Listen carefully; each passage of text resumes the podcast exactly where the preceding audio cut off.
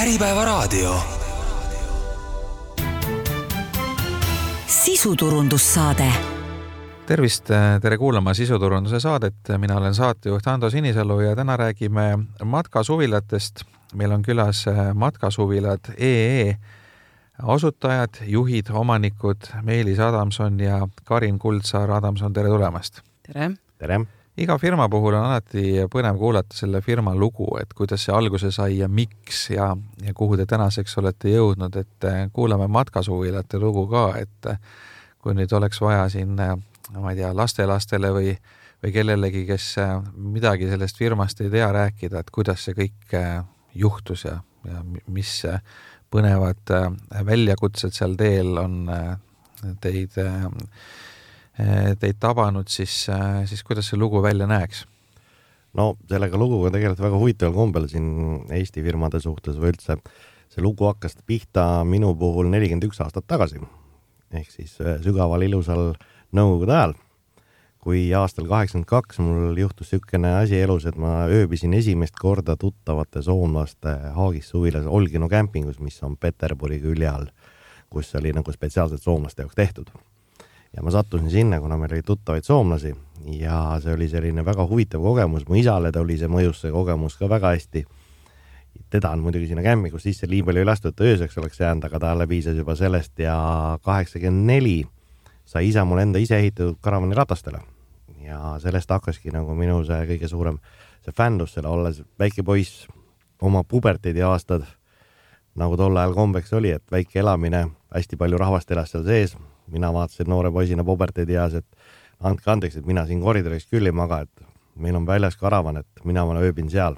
oli kevadine aeg, kolisin sinna, elu oli väga tore, sügis hakkas pihta, vanemad hakkasid ütlema, et ei, et sealt peab nüüd välja kolima sügisel, et et me ei jaksa seda elektriarveid maksta, et küttekulud lähevad suureks, ma ütlesin, et ma ei küta. Ja elasin edasi, pluss kaks oli toas ja kolme vati teki all magasin terve aasta otsa seal, et ei olnud mul häda kedagi noh see oli selline Haagis suvila siis või karavan, mis, mis oli eraldi, mitte, mitte nagu ühes tükis autoga? ja see on nagu eraldi, et see on järelveetav, et äh, Vene ajal selles ehitamiseks neid autosuvilaid Vene ajal praktiliselt ei eksisteerinud, kuna ei olnud baasautot, mille peale ehitada.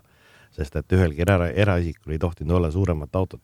jah, veoautosid ei tohtinud omada ja nende, nende peale seda tavaliselt ehitatakse, et sõiduautosse vist ei mahu, mahu nagu Haagis suvila ära sõiduautosse jah ei mahu, et seal on veoautosid oli, ei saanud ja kaubikuid praktiliselt ei olnud ja neid ka ei saanud mm. -hmm. nii, äh, nüüd äh, teie loos edasi tulles, siis algas aeg, kus ettevõtlusega tegelemine muutus legaalseks ja kus sai vabalt osta mis tahes autot, kui ainult raha oli, et kuidas siis see lugu edasi läks? no see lugu läks tegelikult sellega edasi, et üheksakümne kuuendal aastal alustasin ettevõtlusega, aga mis oli hoopis teine ala äh,. tegelesin puhastusega ja, ja selles suhtes on see, et siin kaks tuhat kolm, neli, kaks tuhat neli alates ma rentisin esimest korda selliseid Haagis suvilaid, et perega käia reisil Eestis. et kuna vaatasin, et noh, et ei tea, kas seda endal on veel, olles veel noh, vanust oli ka selline, lapsed väiksed, et väga tore oli käia aga selle asi hakkas edasi arenema sealtmaalt, et kuna meil tol ajal Eestis pakutavad need Haagis suvilad rendiks, kõik olid sellised noh, oma parima, parima hea mööda läinud juba, et päris vanad ja väsinud. ja tuli siin mul selline mõte, et alustan siis äh, Haagis suvila rendiga, et ostsin uue hobi Haagise ja hakkasin seda esimesena Eestis nagu uut Haagist pakkuma.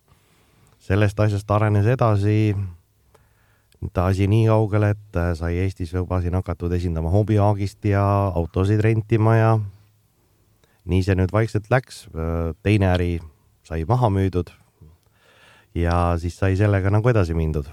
ja siin ütleme nüüd peale seda aastate jooksul oleme viie tehase ametlik esindaja ja nüüd, kui, kui täna vaadata firmat matkasuvilad.ee, siis, äh, siis kui suur te olete, mida te äh, täpselt teete, et äh, palju töötajaid, äh, palju käivet, äh, andke lühike ülevaade tänasest ettevõtte seisust ka. no sinna juurde võib veel öelda, et äriliselt oleme nüüd tegutsenud seitseteist aastat ja oleme nüüd valinud, alustanud sõna otseses mõttes koduaiast, esimene selline väiksem kontor ja pood, mis meil oli, oli selline viiekümne ruutmeetrine, kus mahtus viis-kuus autot aeda.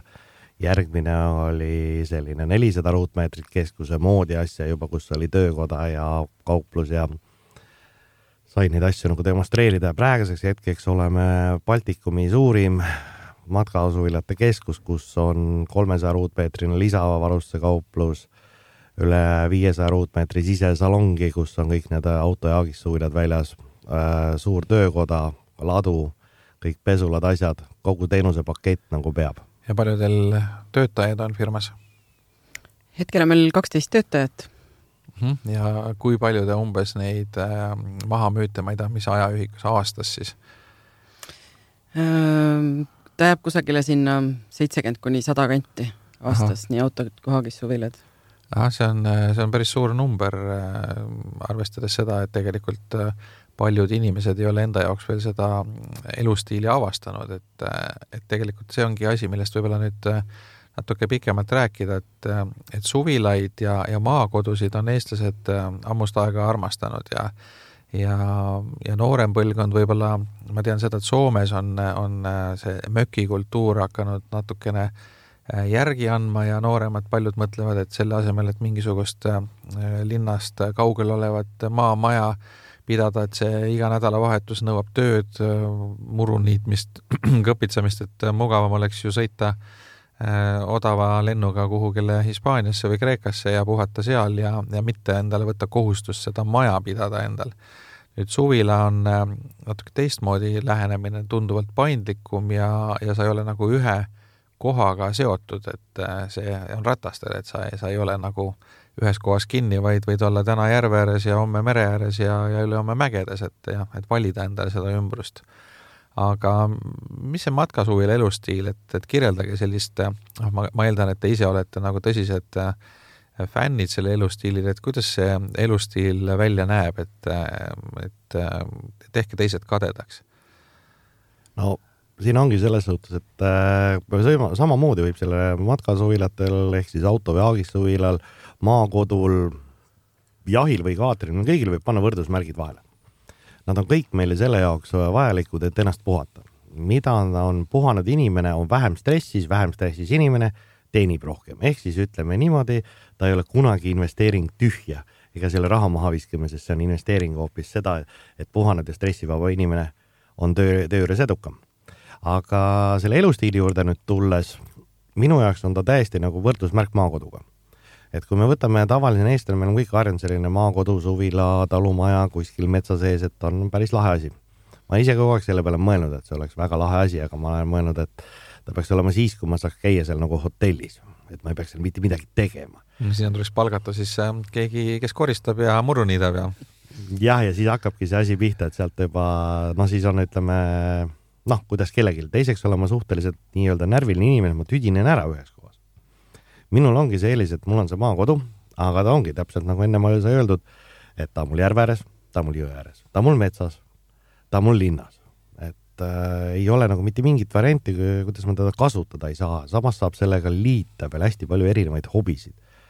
kellele meeldib äh, looduses rändamine, fotograafia, jalgrattasport, motosport, jalutamine, rändamine, oh, mul saavad siin enne kopsumahte enne otsa. kalapüük kalapüük, jahilkäik, kõiki asju. kalapüügi pealt, ise ma nüüd suur kalamees ei ole, aga mul on väga palju kliente, kes on kalamehed. ja seal on üks, paljudel on niimoodi, et noh, et naine alati ju tige, et kui mees läheb kalale.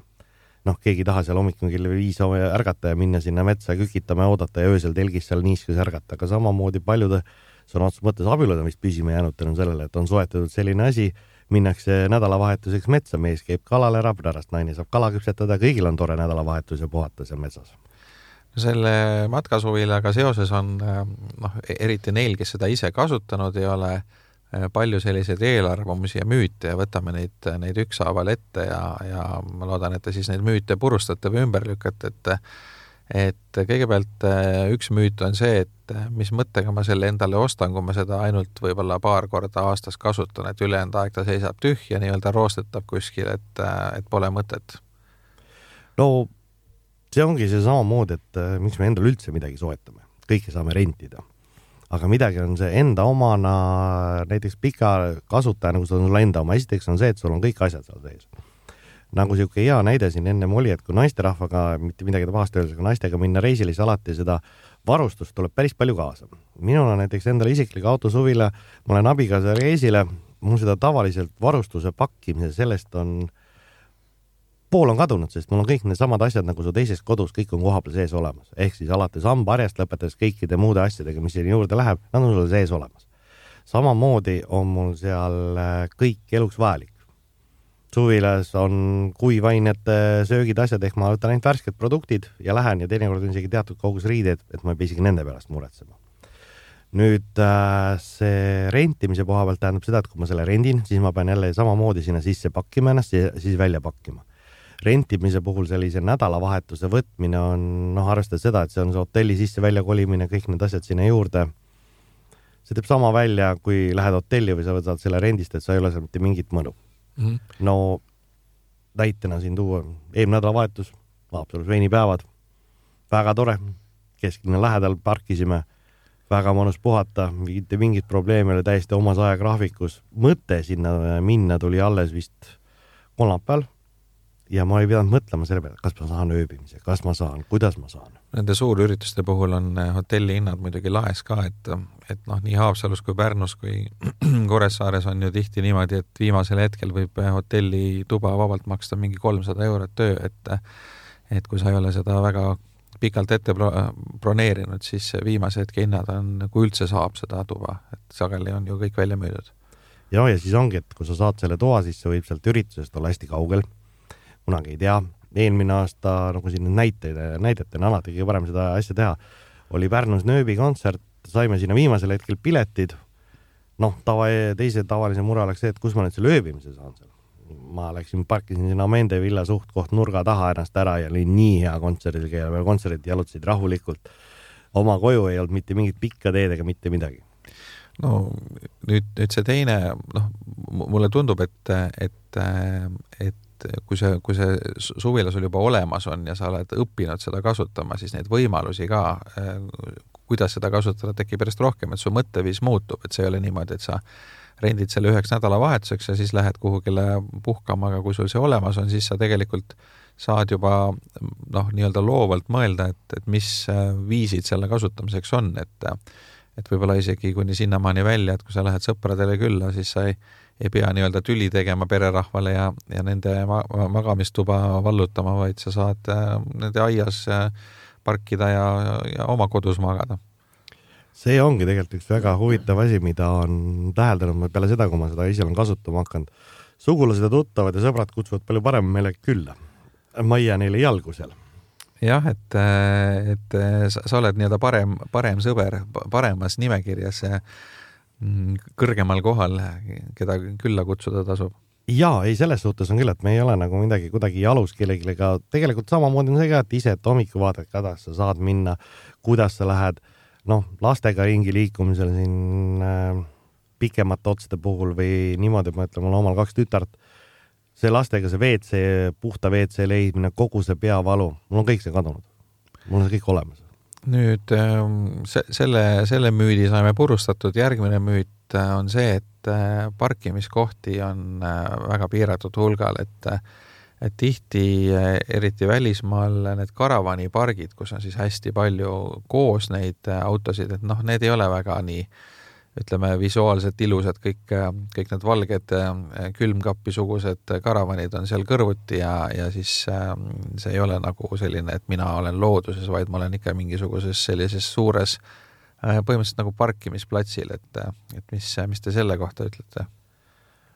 no siit on nüüd hakata võtma, meil Eestis on näiteks on olemas RMK-d, väga mõnusad kohad, kus käia olla, on kämpinguid ilusaid, kus olla, väga saab omaette privaatselt olla Äh, mida Euroopa poole minnes, seal on alati sellised asjad, on mõningad äpid, mida saab kasutada, on Park for Night näiteks, äh, kus ma olen ise leidnud, eelmine aasta Saksamaal leidsin, keerasin kiirteelt välja, sõitsin kuus, kuus või seitse kilomeetrit maha, olin, soovituslik koht mägedes, lasteaia tagaparklas, no nii hea rahulik, et äh, öösel ajasid linnu, liin, mitte linnud, vaid need sitikate siristamine ajas öösel üles, et juba nii lärmakas oli see, et selline vaikus et selliseid kohti leiab hästi palju. et ja... ei pea tingimata minema sinna karavaniparki, kus on veel kümned, kui mitte sajad teised parkijad? ei, ei pea minema, muidugi sealsamas nendes karavaniparkides käimiseks on äh, selline asi, mis on üks huvitav näide, mis on üldse karavaanluse ja sellega tuleb kokku. noh, näiteks on see, et kui me võtame siin äh, noh, mootorrattamehed ja on olemas baigimehed, on olemas siis chopperi mehed ja kes on siis Harley Van ja, ja siis on rolleri mehed, keda nagu üldse ei tunnistata mitte kellegiks ja paatide puhul on ka siis samamoodi, kellel on mida suurem, uhkem, kellel puri on, tema mootorimeest ei tunnista ja mootorimees ei tunnista purje ja, ja viimane mees, kes tuleb siis selle väikse aerupaadiga või kummipaadiga, seda ei tunnista neist mitte keegi. Äh, karavanide maailmas on sihuke huvitav asi, et seal võivad olla mees kõrval, kellel on poole miljoni üritus, tuleb teine kõrvale, kellel on vanas kaubikus madrats maas ja saadakse kokku, et oo oh,, kus sa käinud oled, mis sa teinud oled mm. -hmm. et seal sellist äh, klasside vahet ja sellist asja pole nagu peaaegu üldse ja samamoodi on seal nendes suures karavanaparkides on, alati tekib niisugust juttu ja saab hoopis huvitavaid näpunäiteid, reisikogemusi, muljeid, tuttavaid, sõpru võib leida no te mainisite enne siin äh, Pärnut, et parkisite seal äh, Amende villa juures, et kas põhimõtteliselt Eestis võib äh, selle karavaniga nagu enam-vähem igal pool parkida, kus, kus nagu tavalise autogagi või on seal mingisugused erisused? tegelikult on see, et see on igal pool Euroopas, sa võid parkida igal pool, kus on tavaautoga lubatud, on teatud kohti, kus on muidugi keelumärgid väljas, kus matkaautoga ei tohi seista aga tavaliselt on see müüt, mis on tulnud, et oi, et matkaautoga ma ei saanud bensiinijaamas magada või mind aeti sealt ära ja mind aeti sealt ära ja seal ei lubatud olla. tegelikult on see selline linnalegend, mille põhjus on väga lihtne, on see, et eriti inimesed, kes kasutavad, noh näiteks rendi kasutamine, et mustaveepaak, ma ei viitsi sellega vaielda, jageleda, mul on see lahti kogu aeg, aga näiteks kui te seisate seal tanklas või kuskil tee ääres parklas või mida iganes, teil on see loik all, jah, sealt tuleb küll sihuke kätepesuvesi, enda pesuvesi, midagi mürgist ei ole, midagi hullu ei ole, midagi ei haise. aga see on äh, näotu, ebameeldiv ja siis tullaksegi, koputatakse lihtsalt ukse peale, et kuulge, et siin ei tohi parkida, see ei ole kämping mm. -hmm et äh, nii et, et seal on küsimus selles, et kui sa nii-öelda puhtalt pargid ja sinust äh, mingit äh, prügi või vett maha ei jää, et lihtsalt nii-öelda auto seisab äh, legaalsel parkimiskohal, et siis põhimõtteliselt ei tohiks olla kuskil probleemi?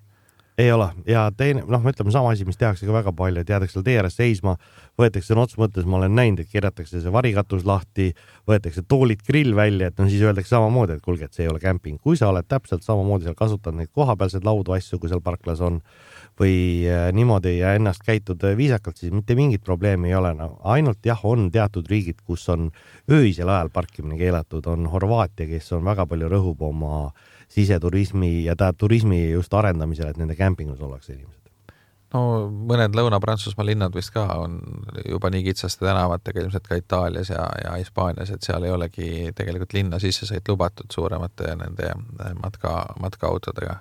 Äh, mõningates kohtades on küll need märgid väljas, äh, et seda on, kui sul linnad väiksed, noh, ma tean ise, et äh, Monte Carlos ma olen seal käinud ja, ja see, noh, seal oli tõesti märk väljas, et sinna ei tohtingi minna matkaautoga, aga ta ongi lihtsalt nii pisike koht mm. -hmm. muus mõttes on neid kohti praktiliselt väga vähe, olen ise kohanud neid mm, -hmm. aga tõesti haruharva nüüd see müüt sai ka murtud, järgmine müüt on see, et, et sul on vaja seda autot ühendada siis ühest küljest elektriga, teisest küljest vee ja ja kanalisatsiooniga ja kõik see prügimajandus ja, ja, ja nii-öelda äh, kommunaalid siis nagu, nagu kui võrrelda korteri või suvi, suvilaga, et kuidas sellega lugu on?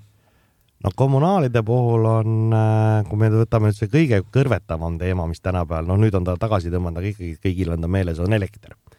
elektriga on tänapäeval kõige lihtsam, see on meil tasuta olemas, taevast tuleb ja on võimalik teda väga pikalt salvestada, kõik on see tehnoloogia niivõrd palju arenenud et ausalt öelda, ma olen siin suhteliselt lihtsa vaevaga, mu endal autosuvila on selline, et ma võin istuda metsas vähemalt nädal aega, ilma et ma peaksin muret tundma. sul on päiksepaneel katusel?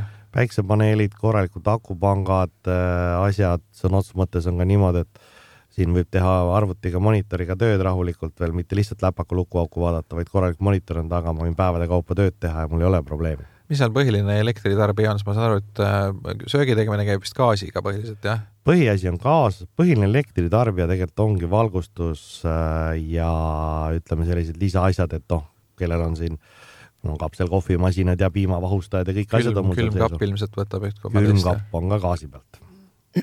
külmkapid on jah tavaliselt kolmesüsteemsed üldjuhul, nii gaas, kaksteist volti kui kakssada kolmkümmend. ahah, et no selles mõttes arvestades, et valgustus on ju tänapäeval LED, mis võtab väga vähe energiat ja tegelikult äh, noh, telefonide ja arvutite laadimine ka nii hirmus energiamahukas ei ole, et siis põhimõtteliselt peaks, peaks saama ja päikse, päiksepatareide ja akudega hakkama.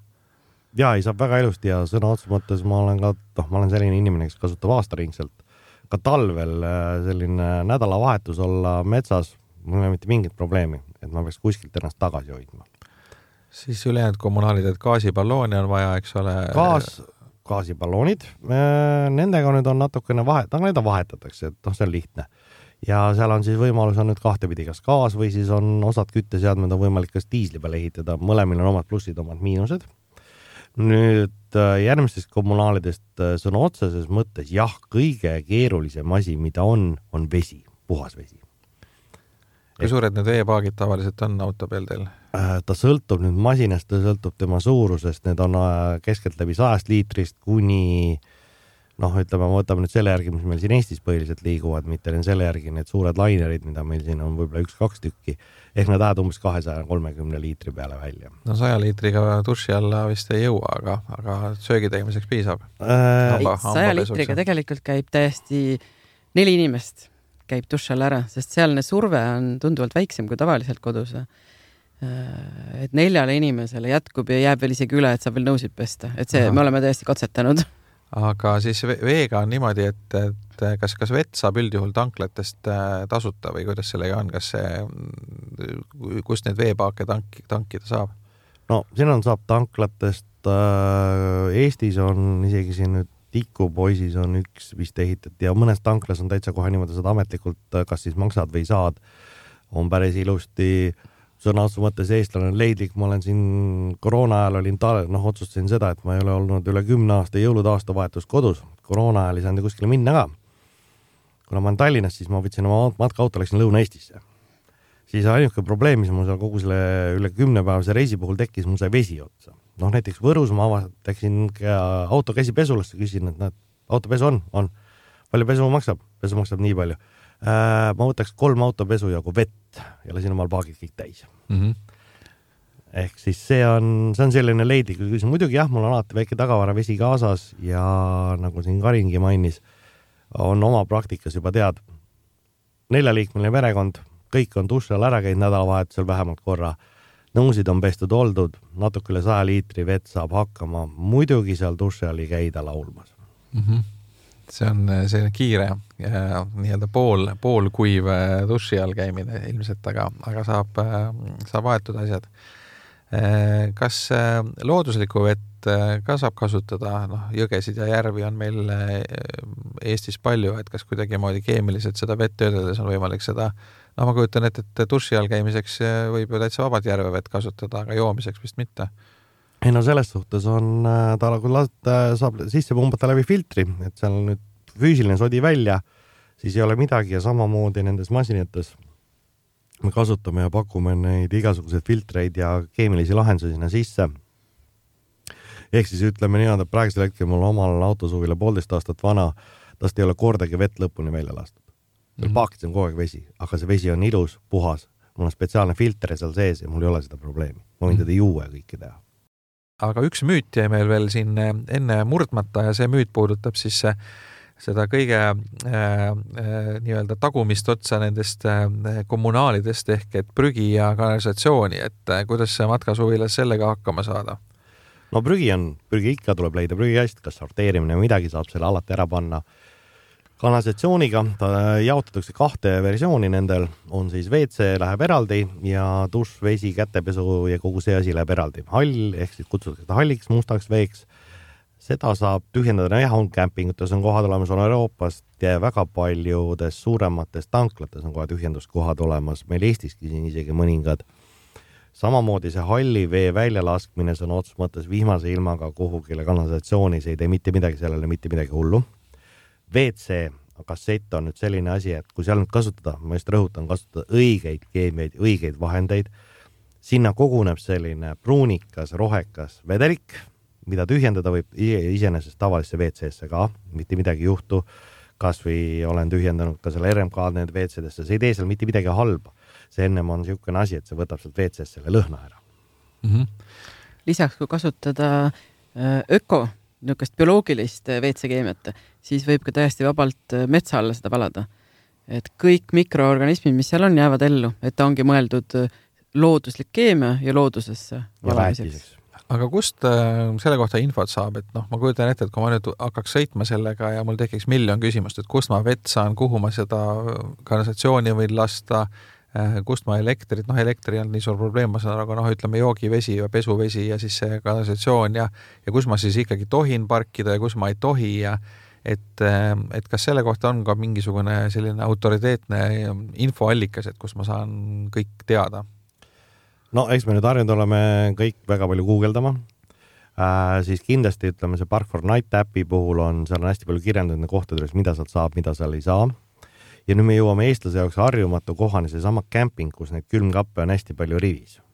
seal on väga hea suhelda inimestega, kus sa saad neid kogemusi veel rohkem juurde. ja ütleme tihtipeale me noh, ütleme samamoodi on need igasugused foorumid, asjad olemas, muidugi äh, võiks alati rõhutada seda, et foorumite, nende puhul on niisugune hea omadus, mida tuleb alati endale selgeks teha, kui sealt hakata tarkust taga ajama. umbes pool maha, sealt veerandist uskuda. no, no aga, see, jah. Aga meil tehakse ka kokkutulekuid. kaks korda aastas on kokkutulekud ja suvel on äh, ka, ühesõnaga, seal on inimestega saab tuttavaks ja saab hästi palju just kogemusi vahetada. jah, Eesti Karavani klubis on väga palju liikme, aktiivseid liikmeid, pea seitsesada juba kokkutulekute asjadele inimestega omavahel suhelda tulebki kõik see kogemus sealt aga ikkagi noh, see e-, enne oli näide selle kohta, et, et sa pargid kuhugile tanklasse näiteks ja siis tullakse sind ära ajama. Et, et kas on nagu kuskil mingi noh, kui a la ongi minu sõna tema sõna vastu, et tema ütleb, et ei tohi, mina ütlen, et tohib, et kas on kuskilt võimalik nagu kontrollida, et nagu nii-öelda öelda. liikluseeskirjad. ta allub liikluseeskirjad, on sõiduauto, ta allub liikluseeskirjadele. seal ei ole mitte midagi. et kui liikluseeskirjade järgi on lubatud parkida, siis võib parkida? jah kui eraldi lisatahvlit ei ole juures, siis võib täiesti vabalt parkida ja kuna nad on tegemist veel kõik M1 kategooria autodega, siis on nad sõiduautod ja igal pool, kus sõiduautol lubatud on. See on hea ja hea lihtne reegel. aga nüüd äh, nendest reisielamustest, et, et rääkige mõned enda sellised äh, jällegi nagu ma enne ütlesin, et mis teisi kadedaks teeks, et et mõni selline elamus äh, matkasuvilaga, mis mis on eredalt meelde jäänud no esiteks on niisugune huvitav asi, et ma võin öelda, et minul ei ole suvepuhkused läinud ilma nahka peaaegu viimased neliteist aastat. mu alati ilus ilm. sõidad vihma eest ära kogu aeg? Jep, minul on, äh, puhkus hakkab selle järgi, et mul on alguskuupäev, mul on lõppkuupäev, siis mul on hunnik mõtteid, kuhu minna, aga lõpptulemus paneb kõik paika ilmedada.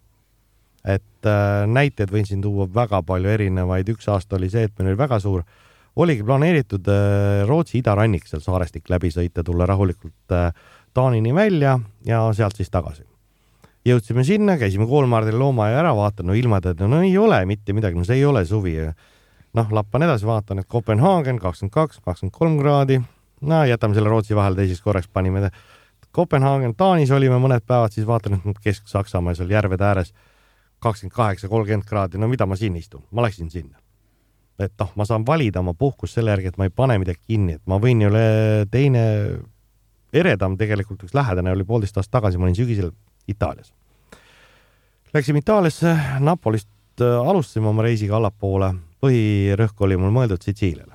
jõudsin oktoobri teises pooles Sitsiiliasse, väljas kakskümmend seitse, kakskümmend kaheksa kraadi sooja, väga mõnus. soe, päike, meri on, Vahemeri on soe, kõik nii nagu peab. sain kuus päeva puhata seal, käis pauk, Etna purskas, väga lahe kogemus. muidugi, kui sa tahmapilvest sõidad ringi, sa aru, mis asja see toimub, et mis, mis mul taevast liiva sajab ja ja siis ma hakkasin vaatama ilmateadet, troopiline torm tuli peale, järgmised kümme päeva, ilm ära. noh, näiteks ma oleks võinud ju sinna Sitsiiliasse kohale lennata, võtta Airbnb-st endale hotell, korteri, väga odav oleks olnud ja viis päeva oleks, viis-kuus päeva oleks puhanud, ülejäänud nädal aega oleks mul olnud Netflix toas, mitte midagi teha ei saa. mina tegin selle peale niimoodi, et aitab kõik, ilmateade lahti, Kesk-Itaalia, Salermo kant, väga ilus ilm. asjad kokku, minema ja läksin järgmise kohta.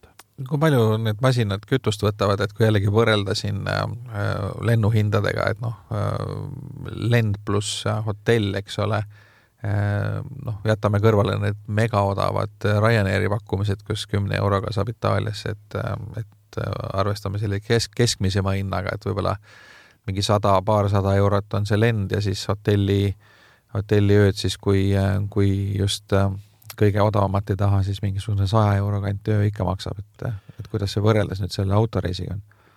ütleme, ma siin nüüd seesama Itaalia reis on mul üks väga hea näide, see kokku oli ta mul neli nädalat. ta oli niimoodi, et mida me ka meie pere kasutab väga palju, et laste puhul ka koolivaheaega pikendada kõik niimoodi, et mul lapsed lendavad ja abikaasa lendab tihtipeale Euroopasse kohale. ma lähen enne majas autoga ära, kindlaks kuupäevaks ma jõuan teatud kohta lennujaama, võtan nad peale, sõidame seal ringi ära ja pärast panen nad maha. nüüd seesama Itaalia reis kestvusega neli nädalat ehk kuu aega kolm nädalat sellest rahulikult Itaalias, sest ma võtan sõiduaja endale rahulikku. Äh, seal sees on siis kolm nädalat Itaalias kõik ööd kämpingutes. Äh, laevapiletid Sitsiiliasse tagasi, kõik kütused, kõik teemaksud ja arvestades sellega, et äh, teemaksudest mul on auto, mis kaalub neli ja pool tonni ehk Poolast alates ma maksan natuke teise kategooria järgi. Tšehhis on mul samamoodi boks peal, Austrias on mul boks, Itaalia on te teine asi ja kogu see reis läks mulle maksma koos äh, nende isegi, no okei okay,, need laeva ja lennukipiletid olid need odavpiletid, kolm nädalat Itaaliat, kaks tuhat ükssada eurot ja see on poolteist aastat tagasi, kui kütuse hind oli äh, paani peal oli üks koma üheksa. Mhm nii et äh, igaüks võib ise, ise siis arvutada ja, ja võrrelda, aga sellised lühikesed äh, tripid äh, nädalavahetusel Eestis, et, äh, et mis see kõige lühem aeg on, mis niimoodi mõtet oleks üldse sellega sõita, noh arvestades, et mingi, mingi aeg läheb selle pakkimise ja, ja valmistamise peale ka, et noh, ilmselt nagu äh, ma ei tea, neljaks tunniks reedel võib-olla ei, ei oleks mõtet sõita. No ööbimisega alati. ma olen siin tihtipeale abikaasaga siin seda firmat viidud pikki aastaid, kunagi meil pood on laupäeviti ka lahti hooajal. laupäeval õhtu pood pannakse kell kolm meil kinni, mul oli buss oli maja ees, ütlesin nii, ma elan ise Tabasalus, Meremõisa RMK-le, sõitsin kodunt mööda, helistasin lastele, me ei tule. me läksime puhkama, läksime nädalavahetuseks Meremõisa RMK-le, lihtsalt õhtu istusid, tšillisid, grillisid, magasid seal looduses rahulikult, tulid pühapäeval koju väga hea olla kuidas äh, selle lärmiga on, et ma olen mõelnud vahel linnades ka, et, et noh, näiteks kui ma olen kuskil parklas, äh, kas või seal tanklas või, või, või ka võib-olla mõnel puhul tänava ääres, et, et, et kuidas selle müraga on ja kas, kas on mingeid selliseid asju ka, et ma ei tea, võõrad kuidagi kipuvad aknast sisse vaatama või, või, või toksivad jalaga vastu külge või, või midagi sellist? otseselt aknast keegi sisse ei vaata küll äh, noh, imestatakse võib-olla, pigem vaadatakse autot, aga nii julged ei olda, et kusagil aknast sisse vaadata. eks seal alati tuleb äh, vaadata, kus kohas parkida, natuke on see äh, kindlasti jah, muidugi nüüd siin, kui nüüd miinustest rääkida, siis natukene jah, ta päris ei ole selline elustiili asi, kes sobiks inimesele, kes ärgab ka selle peale üles, kui äh, magades esimesel korrusel ja kolmandal korrusel hiir hüppas nüüd vati sisse, eks ole, et äh, sellisele inimesele ta päris jah, tõesti ei sobi. ta täitsa sõltubki jah inimesest, et äh, ta päris helikindel ei ole, midagi ikka kuuleb siia-sinna, aga äh, pigem võib-olla sellise kõmise, kõmi, kõminaga onju. et päris nii ei ole, et sa kõike, mida inimene kõrval räägib, kuuled tuppa ja, ja samamoodi, et kui sees räägid, et välja kostab. aga helikindel ei ole ja pigem selline taluvuse tase, kuidas kellelgi on mm. -hmm nüüd äh, räägime sellest nii-öelda raua poolest ka lõpetuseks, et, et äh, põhimõtteliselt on ju laias laastus kahte sorti äh, matkasuvilad, et need, mis on järelkäru tüüpi järelveetavad ja need, mis on siis nagu ühes tükis, kui väga niimoodi lihtsustatud väljendada.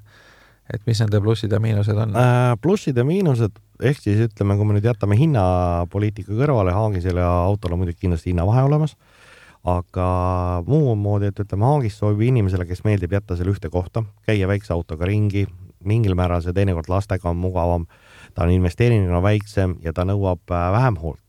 autosuvil on natukene rohkem kallim, natuke rohkem hoolt, aga temaga on jälle see mugavus, et kõik asjad on sul ühes tükis. samamoodi on nüüd, seal nüüd ei ole nagu vahet, kas on auto või Haagis suvila nendel mõlemil on väga suur äh, vahe sellest, et nagu siin ennem oli väga hea väljend, et kasutatakse ka, et nad on kõik ühesugused valged külmkapid. aga nendel valgetel külmkappidel on kasutuses ja sõidus, ka Haagis suvilatel vedamises ja sõidus on sama suur vahe kui, kunagi oli meil Sabakaseli auto, Moskvitš mm -hmm. auto, Žigull auto ja Volga auto. kõik nad olid autod, aga sõita ja kasutada oli väga erinev ma kasutan juhust ja küsin, miks need kõik sellised ühesugused valged külmkapid välja näevad, et ähm, et ma saan aru, et valge värv on sellepärast, et, et lõunamaades mingi tume värv tõmbaks päikest ligi, aga, aga on seal veel mingi põhjus, miks nad kõik nii ühesugused on? Äh, ega see tegelikult ongi see, et äh, valge ongi see temperatuuri asi. ja samamoodi, mida me kõik oleme harjunud, et noh, põhimõtteliselt on see, et nagu näiteks nüüd magamine, see asi, kes mäletab või on kasutanud niisugust asja, on äh, heinaküünis lakas magamine kõigile meeldis seal magada, alati magasid hästi välja, ega sa ei maganud selle pärast hästi välja, et see äh, sind torgiti igasse auku ja igal pool oli ebamugav ja kratsis, aga lihtsalt see õhk ja kliima, mis sul ümberringi oli, ta oli värske õhk, aga see temperatuur oli ühtlane, magad telgis, õhtul lähed magama, jahedam, hommik ärkad üles, ilus ilma puhul on palav või on niiske või need asjad. auto ja Aagissuvilas on see täpselt sama omadus, aga lihtsalt äh, sul on see temperatuur ühtlane. Mm. -hmm nüüd äh, kui rääkida hinnalipikust selle asja juures, et me enne võrdlesime seda suvilaga, noh, ütleme, et täna Eestis mingi ma arvan, et alla saja tuhande naljalt midagi enam ei saa, et, et sealt ülespoole hakkavad siis erinevad ähm, suvilad, et, et kuidas, kuidas siis matkaauto võrreldes suvilaga on, millised need hinnakäärid on, ma saan aru, et see ülemine ots, et see, see võib olla nagu lõpmatus, et sa võid endale selle kullast ja kristallidega teha, aga, aga kus see nagu see algusots ja selline nii-öelda mõistlik keskmine on? mõistlik keskmine, ütleme normaalne entry level algtaseme tootja autosuvila jääb sinna seitsekümmend kuni kaheksakümmend, kaheksakümmend viis tuhat, keskklass on seal üheksakümmend, kaheksakümmend viis, üheksakümmend kuni sada kakskümmend, sada kolmkümmend ja premiumid ja premium liner klassid on siis sealt üles, ütleme selline mõistlik äh, jääb siis ütleme kahesaja kanti kallimad, mis meil on nagu populaarsed, võib-olla natuke peale. aga, aga, aga seda autot äh, nagu niimoodi igapäevatööks kasutada vist ei ole mõistlik, et umbes niimoodi, et ma käin sellega äh, esmaspäevast reedeni käin kontoris ja siis laupäev-pühapäev sõidan kalale, et, et see vist päris nii ei ole või? On, on olemas, oleneb masina suurusest ja sellepärast on vänn äh, kategooriad läinud hästi populaarseks ja meil tuleb sügisel veel selline väga huvitav uus mudel välja meie ühel tootjal, mida me pakkuma, kus on sul päevaselt võib-olla sul kaheksakohaline mini, minibuss ja nädalavahetuseks võib-olla viie magamiskohaga autosuvila. ja mahub ära? ja mahub ära. noh, eks ta natuke, natuke tingitud sealt, aga kõik saab hakkama et põhimõtteliselt need, et, et see, see on äh, tegelikult täitsa võimalik, et ma kasutan, et mul ongi perel üks auto ja seesama auto tegelikult äh, täidab mõlemad funktsioonid, ma saan sellega päeva lõpus käia kaubanduskeskuses äh, ostlemas ja, ja, ja siis mm -hmm. nädalavahetusel puhkama sellega. jah, kui ta on selline van tüüpi, et selle jaoks ongi eraldi, on see kategooria van tüüpi, sellega saab mm. -hmm. ja ütleme siia lõpupoole just tehnikast öeldes, siis äh, ma soovitan, kes sellel auto või aagistushuvilal veel mõte on.